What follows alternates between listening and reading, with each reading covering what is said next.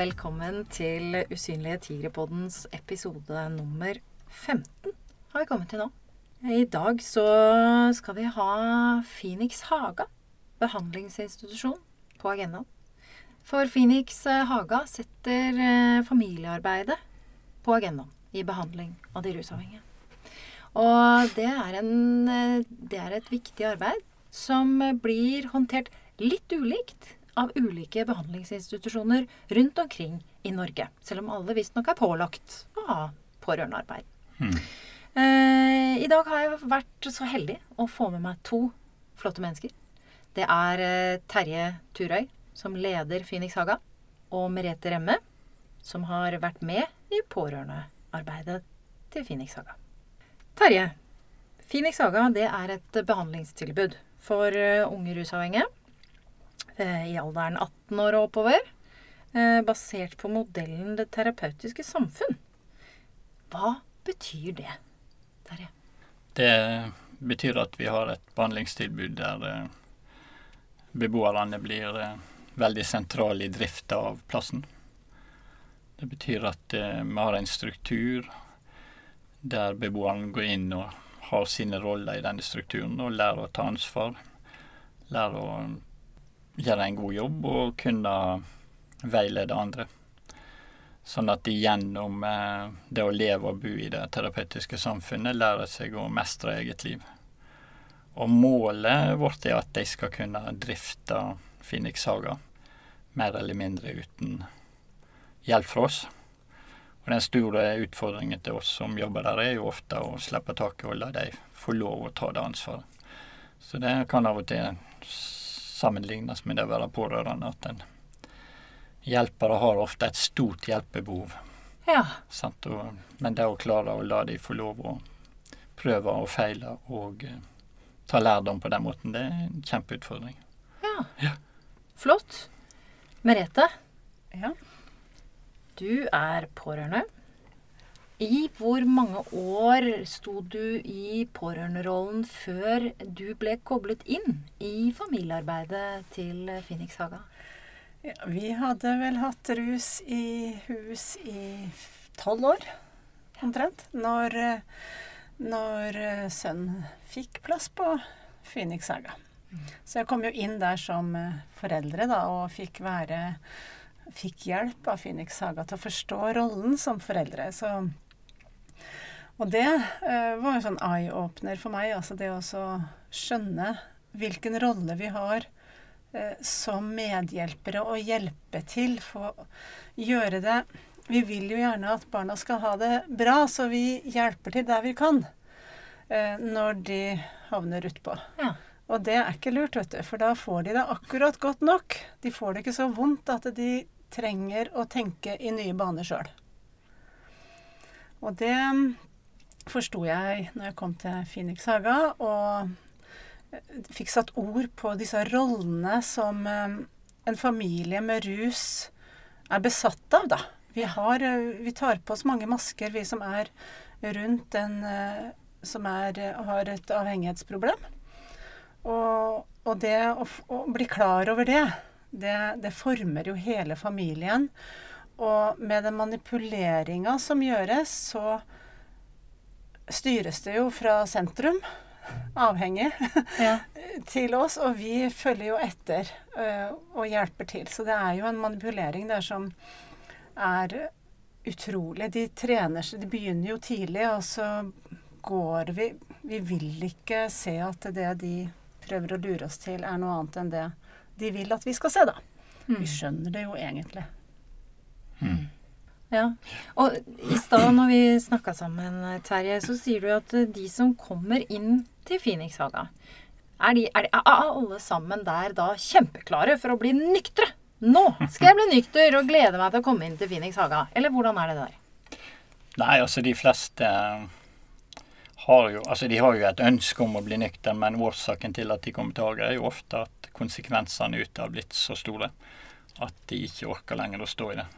Enten at de har mista boligen sin, eller mista jobben, eller i ferd med å miste familien sin, eller politiet er på sporet etter dem. Altså mange sånne ting som fører til at totalbildet blir håpløst, og en ser ingen utvei. Og da vil behandling kunne være et alternativ. Så er det jo gjerne sånn at motivasjon, altså egen motivasjon, kommer gradvis. Men det kan ta lang tid. Så i den første fasen på Haga så kan motivasjon være et veldig svingende tema ja. for de aller fleste. Så eh, vi er jo veldig avhengig av å kunne samarbeide godt med pårørende for at eh, behandlingen skal bli så bra som mulig. Da. Ja. Så vi prøver jo å trekke foreldrene med søsken med i arbeidet, sånn at de òg får mest mulig kunnskap om det å være rusavhengige, det å utvikle et rusmisbruk, og kanskje ikke minst det å um, ta tak i egne utfordringer, som ofte er medavhengighet. Eh, altså det at en er på et vis styrt eller oppslukt av den rusavhengige, og ja, jobber iherdig for å forsøke å redde denne personen som er, har utviklet et stort avhengighetsproblem. Ja. ja. Så mange foreldre er jo Altså, de ønsker jo å bidra til sønn eller datter, men veldig ofte har jo den hjelp ført til at misbruket kunne blitt opprettholdt og bare vart lenger. Så det hjelper pårørende til å se det å stille noen krav og sette ned foten, at det kan være med på å få den rusavhengige ut av rusen, det er en viktig del av det vi holder på med. Hva tenker du om det Terje sier nå? Nei, det er, det er kjempebra. Og, og, det som er veldig fint der ute, er at eh, Phoenix og Haga de lar oss ikke løpe ned dørene og hjelpe de gjennom prosessene sine. Eh, det er Du må si ifra et par uker i forveien hvis du skal komme. Det er en del regler rundt det her. Det er ikke bare å komme og sy puter, fortsette å sy puter under armene på dem. Eh, selv om vi kan eh, ringes på telefon og sånn, så, så, får vi kontakt. Men vi, vi får faktisk eh, trene oss på å ta litt avstand og la de klare seg selv. Og, og det er eh, nyttig og verdi, verdifullt, altså. Og, og vi snakka litt om i stad, det er eh, det å be om hjelp i forkant, før noen kommer inn i et behandlingsopplegg. Gjorde du det? Før, altså, før du automatisk kom inn i familiearbeidet til Phoenix Haga, hadde du bedt om hjelp på egne vegne? Nei, det hadde jeg ikke. Nei. Jeg visste ikke at det var noe hjelp jeg kunne be om. Jeg vet jo det i dag, faktisk, at det finnes eh, pårørendegrupper rundt om. Mm. Jeg visste ikke at jeg var pårørende engang, jeg. Nei. Og det er absurd! Det kjenner jeg meg veldig godt igjen i. Ja, pårørende til rus er jeg det. Ja. Så ja, så man fikk en ny rolle, da.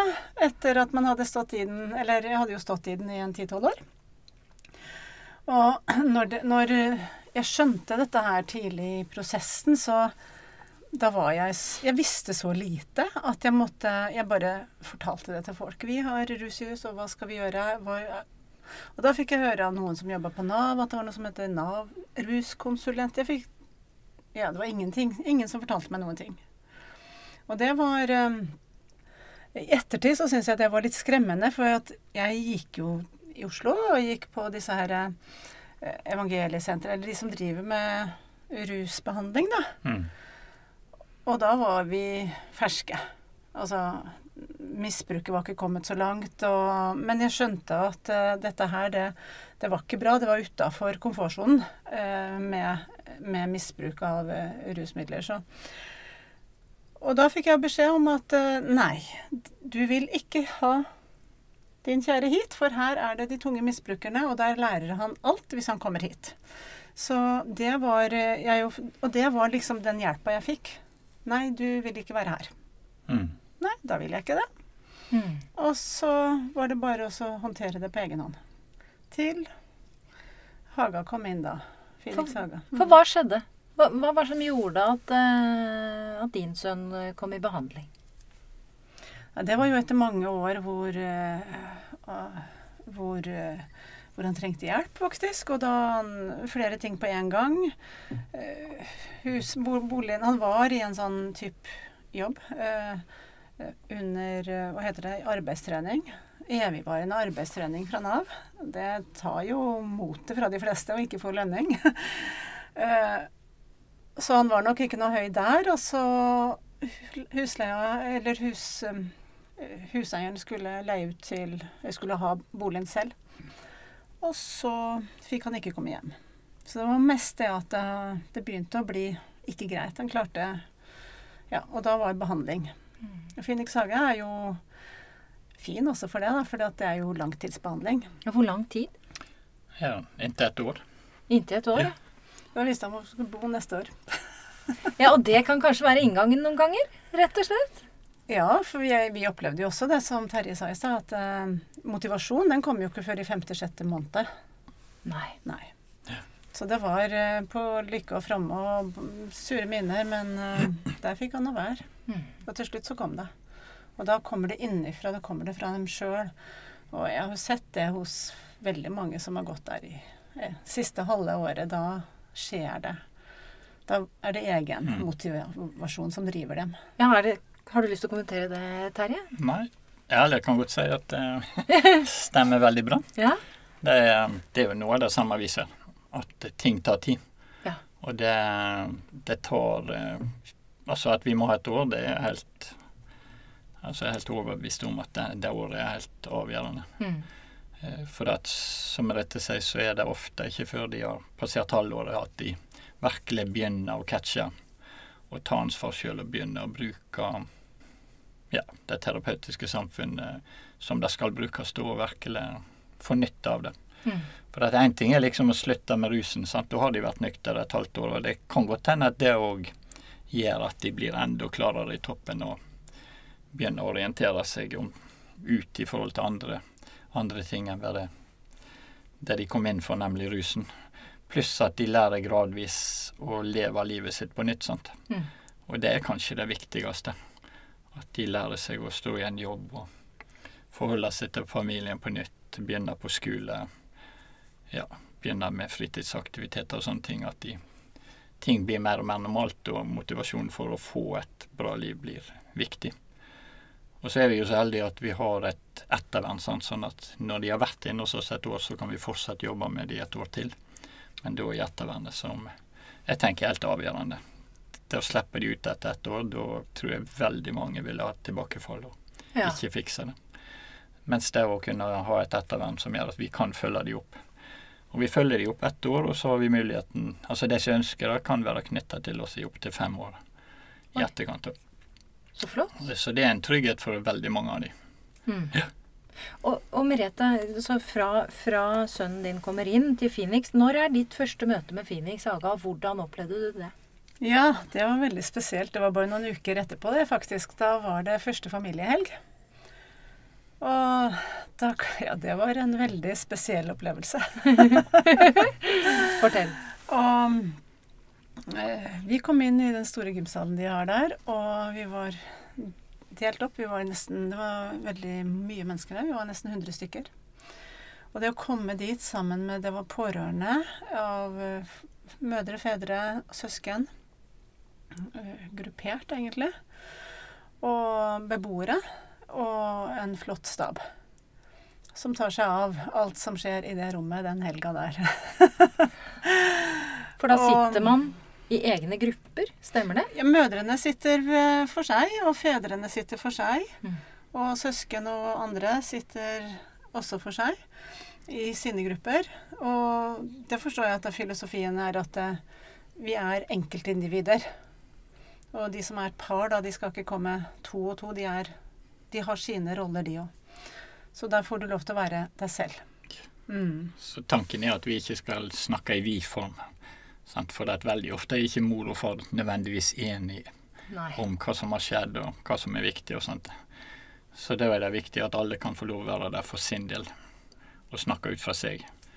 Og det å si 'jeg' blir da et veldig sentralt punkt, sant? Ja. i stedet for å si 'vi'. For det er sjelden at alle i familien er enige om alt. sant? Det, det vil jeg tenke er unntaket. Ja. ja. Ja, opplevde, eh, opplevde, hvordan opplevde da du å komme inn der og være med på den første familiehelgen? Jeg husker at jeg satte meg ned der, og jeg kjente at det var liksom en sånn tung ryggsekk som uh, slapp fra skuldrene. Og jeg tror jeg satt og bare tårene trillet. Så det, det, var en uh, veldig følelsesmessig uh, opplevelse. Sterk, uh, sterke følelser. Og veldig gode følelser.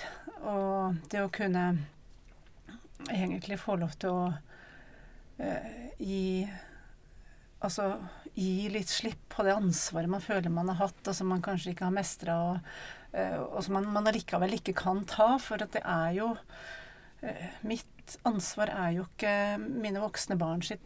ikke sant? Jeg har ikke ansvar for mine voksne barn. Så det var utrolig deilig å komme dit og bli sett, og egentlig å være med folk som har vært gjennom det samme. For det, det er jeg tror ikke Vi har mange venner, og jeg kaller det for friminutt. For det at, og det er deilig å ha det, altså, men det, å, det, går ikke an å formidle hvordan det egentlig er å stå årevis og hvor en av barna dine ikke har det så bra. Da. Det er veldig vanskelig å formidle. Ja, det, ikke, det, har vi vært eh, litt innpå før. Eh, at det er faktisk ikke mulig å forstå hvordan dette er før man eh, møter noen som har samme erfaring. Og Derfor ser vi også at disse nettverkene som vi fremmer, eh, gruppene eh, og mulighetene for å være med andre pårørende som har helt like erfaringer. Vi har jo hatt noen sånn eksempler med at noen møter hverandre, og så endelig møter de noen som også har øks i gangen. Mm. Fordi at plutselig så er det normalt. Ja. Det er noen som har Ja, det har jeg òg. For her kommer det torpedoer, og her må vi mm. ha mulighet til å forsvare oss. Ikke sant? Når, når disse crazy tingene blir faktisk normalt. Man møter noen som har stått i det samme. Og så tenker jeg også på, vi har snakka litt om, og det, det, er noe jeg gjerne vil snakke om. Og det er Det er veldig mange foreldre som føler på skyld og skam. Og så kan vi si vi har hatt eksperter her på rusforskning, og vi har hatt eh, både den ene og den andre lege og litt av hvert her. Eh, og Terje, du har jo jobba med dette her i 25 år, eller 30 år. Mange, mange år har du jobba med rusbehandling. Du er vel en av de som har jobba lengst kanskje i Norge med det? 38 år. 38 år! Vi ja. må kalle deg erfaren. Vi må si, si du er eh, mer enn senior.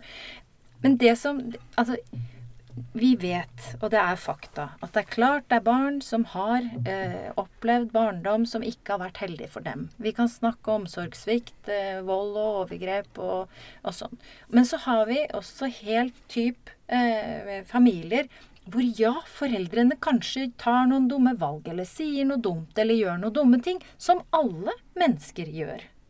Så alle foreldre kan jo lure på Var det mm. det? Var det det? Har du noen gang kjent på noe sånn at, at Å, Gud, er det min skyld? Har du noen gang kjent på det, Merete? Ja, absolutt. Det er klart man, det er helt naturlig. Det er helt naturlig at man kjenner på at man har, har skyld. Men man kan ikke ta all skyld. Mm. Det står Jeg ser på det sånn nå i ettertid, så ser jeg at det, det står eh, unge voksne mennesker, eh, jenter og gutter, med veldig dårlig selvfølelse i bånn. Og det er klart at det, som foreldre så føler man jo kanskje at uh, man har vært med på Ikke har klart å bygge det opp, ikke har klart det. Men vi er ikke alene om det. Det er en skole, det er et stort samfunn.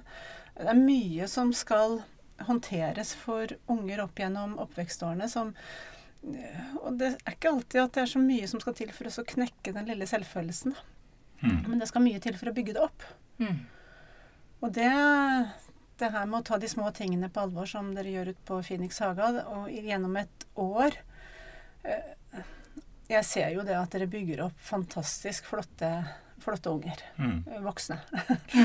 ja. Og hva er disse små tingene, som du sier? Kan du gi et eksempel? Hva er, de, hva er en av disse små tingene som Phoenix Haga jobber med? Det er noe så enkelt som å sette stolen inn til bordet et, altså, det er å gjøre sånne enkle, eh, enkle ting mm. i hverdagen som øh, Og det har jo noe med at man er med på at det er at det blir ordentlig for en helhet. Det blir ordentlig for en sjøl og for de som er som man er med på Og det bygger jo opp selvfølelsen. Man føler at det mestrer man jo. mm. Så ja. Så det dreier seg om å ta ansvar for de små tingene rundt deg. sant? Vi snakker om awareness Sant? Å ha oppmerksomhet rundt, på ting rundt. Mm. Det kan være Vi kaller det for å plukke pullup.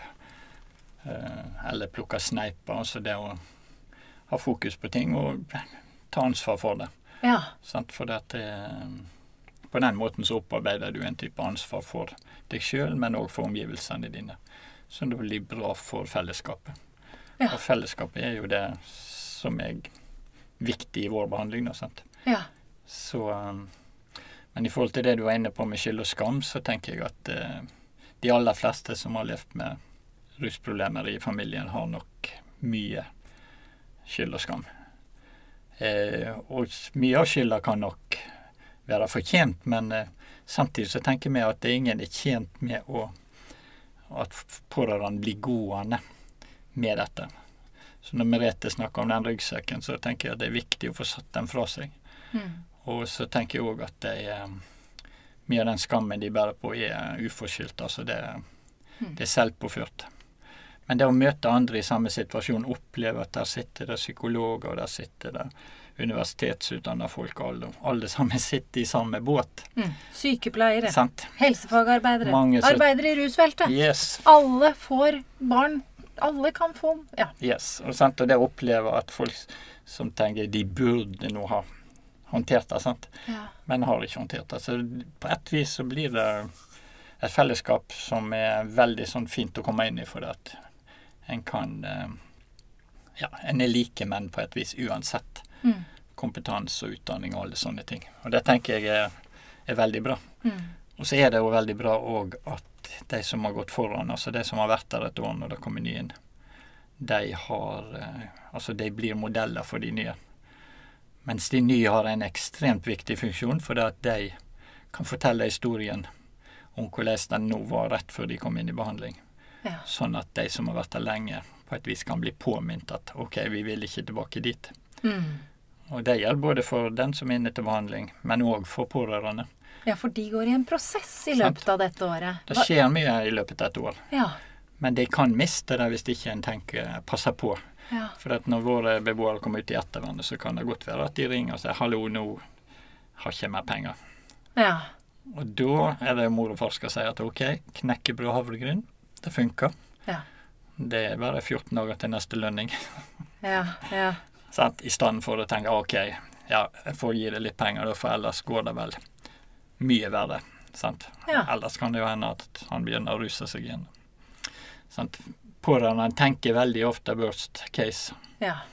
worst scenario. Det, da er det viktig at foreldrene evner på et vis å stå i det, altså. Mm. Vi trenger litt ettervern, vi òg, tror jeg. Ja. Ja, for vi snakka om noen sånn støtdemper. At man hele tiden ønsker å liksom egentlig minske de støtene, da. Eh, som, som 'Å nei, jeg har ikke penger', 'Å nei', ja. du må ordne opp. Mm. Eh, kan du si noe kort om hvordan du Kan du se din egen prosess gjennom Fordi hvor mange familiehelger, hvor mange samlinger er det for eh, I løpet av et år er Ja. det fem. fem? Ja. Ja. Kan du se Endret du deg i løpet av det året? Eller handlingsrommet ditt? Ja.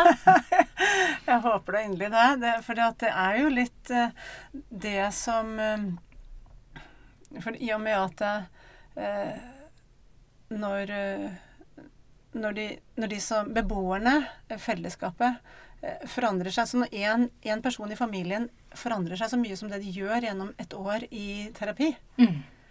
så, så kan jo ikke de komme ut, og så blir de behandla sånn som vi behandla dem året i forkant Mm. når de var i rus, og når de var nokså hjelpeløse, eller eh, i hvert fall trengte, eh, trengte oss og, og misbrukte oss og vår hjelp, så kan det jo ikke det fortsette etterpå, for da er vi jo på to forskjellige verdener. Så vi må jo gjennom dette året lære å prate sammen, og det gjør vi eh, med at vi faktisk eh, i, I disse familiehelgene så er det prat. Da Mm. prater vi med hverandre. Mm. Og vi får da veiledning av kjempeflott stab Nettopp. som guider oss gjennom, og som gjør det her eh, til en prosess hvor vi kan utvikle oss, faktisk. Mm. Og nærme oss og legge ting litt bak oss, fordi vi må jo gå framover. Vi ønsker jo å gå framover og ikke ha med oss Story er story. altså Vi ønsker jo ikke å dra det med oss videre. Må se fremover. Må det.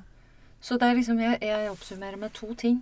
Det er at man lærer seg å sette grenser. Man får et fellesskap, sånn at det å sette grenser kanskje blir mer akseptert. At man forstår at det kan være, kan være lurt. Mm. Ikke bare for en selv, men for den som er, har rusavhengigheten også. At det med å hjelpe seg selv, for det tror jeg du sa litt om eh, Når du satte grenser, så hjalp du ikke bare deg selv. Ja, jeg sa ja. Da, da frigjør man jo til at eh, de valgene som blir tatt eh, Altså det å sette egne grenser, det er jo en, litt læring i det òg, da. Og, å sette egne grenser og holde på egne verdier. Sånn at man kan For de blir litt viska bort da, under den manipuleringa. Så vil man jo heller Vi blir jo mani... Altså bare det at de er snille og greie og hjemme om en tur, mot at vi lar noen verdier eh, gå. Ja, for du fortalte jo det at du hadde jo gjerne besøk noen ganger i året. Du, Ja. Hva var det du gjorde da? Jo da, noen ganger det, og, dette her er jo liksom litt av det og grunnen til at jeg brenner for pårørendearbeid. Det å vite at du er pårørende mye tidligere enn etter tolv år. Det er altfor seint. Og for rus eh, Altså alle som driver med rus av en eller annen slag, de blir slitne av det. Eh, og, og trenger hvile. Og i den hvilepausen så kommer de jo gjerne hjem og er greie som lam, for da skal de ha litt service, og det får de. Hva var det du ga av service, eksempel? Ja, jeg er akupunktør, så han fikk akupunktur. Ja. Og, og han fikk eh, god mat, og bygde han opp med næring og næring og det, det som skal til. Og i løpet av kort tid så var jo han oppe og fresh igjen. Og klar for ny runde. Det visste jo ikke jeg. jeg. Nå kan han gå på jobb igjen, tenkte jeg. Nå, for jeg trodde jo at eh, det var liksom bare en fest som hadde gått litt for langt. Det hadde jo, men jeg visste jo ikke at det var flere måneder. Ja, Ja. Lang fest. En lang fest mellom hver gang. Så når han kommer hjem en tre-fire ganger og får service og løft, blir løfta opp, så går ti år.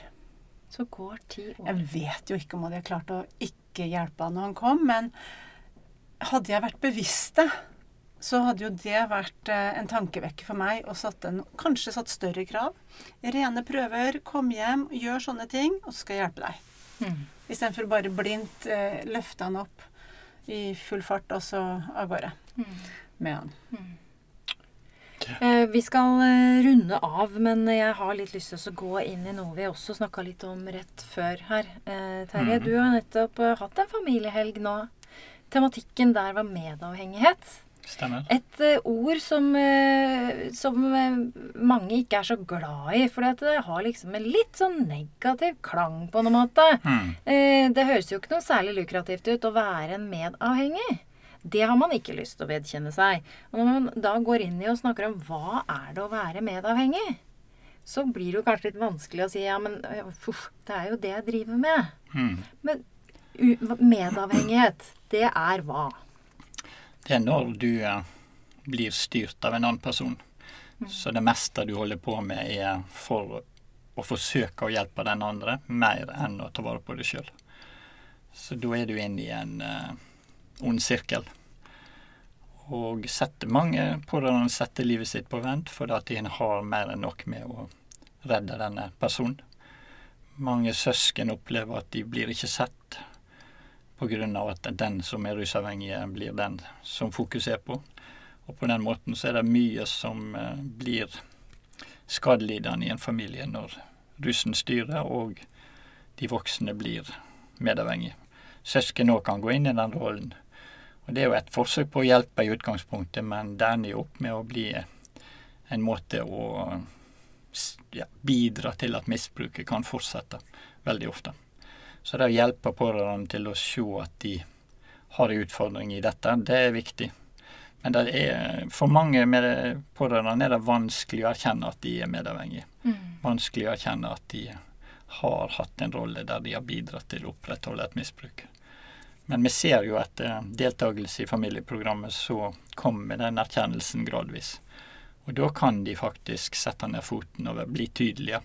Eh, Litt som Merete snakket om, det å sette egne grenser. Mm. For at den dagen de setter grenser, så får det konsekvenser for brukeren. Sant? Sønn eller datter er nødt til å ta andre valg Mm. når døra er stengt. Mm. Eh, Så om ikke du klarer å hjelpe han ved å tilby penger og mat og varm seng og rene klær, så kan du hjelpe han ved å si her går det ei grense, så du må faktisk ta ansvar sjøl. Og da kan det begynne å skje noe. Og når vi spør eh, beboerne på Haga hva, som det, hva de ønsker fra mor og far, så er jo unisont at de ønsker at mor og far skal si nei. De skal begynne å si nei. Når de ringer hjem og beklager seg eller ber om penger, eller, så skal mor og far si nei. Det den, det er den beste hjelpen de kan få. Mm. Så det tenker jeg er veldig sånn klartale. Mm. Men det er ikke lett, det er det ikke. Nei, det er viktig å anerkjenne det. At Sant. det er ikke lett. Og kanskje det nettverket som du da opplevde å få, var med å bidra til at du hadde et annet handlingsrom, et større handlingsrom enn det du trodde egentlig i utgangspunktet. Ja. Men jeg, jeg tenker at det som Terje nettopp sa nå, det, det kan, vi, kan vi få vite om det tidligere. Mm. Ikke først når vi er i behandling, men når vi er midt i, midt i pårørenderollen som eh, når, eh, når det er ferskt, når misbruket er ferskt. Kan vi, kan vi da få vite at eh, handlingsrommet er større enn å gå inn i en hjelperolle Mm. og gi dem det lille ekstra som de krever å få for å Mm. Og det brenner jo Usynlige tigre for.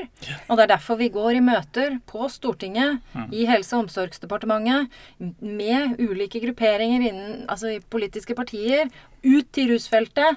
Fordi at det er så ekstremt viktig. Én ting er at politikerne kan bevilge eller legge noen retningslinjer eller Mm. sånn, og så er det opp til kommunene.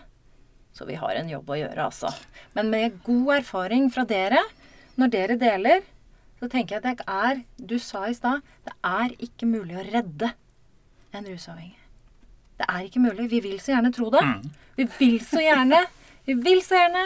Men det er ikke mulig. For det Det må bli vondt nok sånn at de vil det sjøl, og da må det komme tid, Jo tidligere, jo bedre. Så går ikke disse tiårene Mm. med rus. Og, ja, så jeg er jo også en sånn egen side med Rus i hus, heter den per nå. Ja, For, å, som for pårørende, nemlig for å opplyse litt om eh, det her pårørendearbeidet. Møt, fylle litt av det tomrommet hvor jeg ble møtt med ingenting. Nettopp. Det er ikke rus nok. Det, vi, det er nok. Ja. Det er et sjokk nok. Så, og da trenger vi i familiene rundt å vite litt mer om stegene. Mm. For det så jeg, uansett om stakittgjerdet var i orden hos de aller fleste. Så prosessene innafor der er jo så like Mm.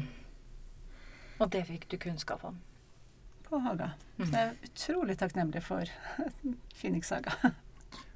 Flott. Ja. Er det noe mer du vil avslutte med før vi sier eh, takk for dagens eh, episode, Terje?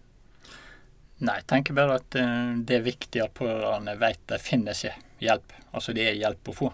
Mm. Om de opplever at de blir, eh, ikke blir møtt på barnevernet eller sosialkontoret eller Nav eller hvor det nå er, så må de ikke gi seg. Mm. For det er hjelp å få. Så Mm. Og jo tidligere, jo bedre. mm. Så ikke tiårene går. Det er mange som kjenner på det.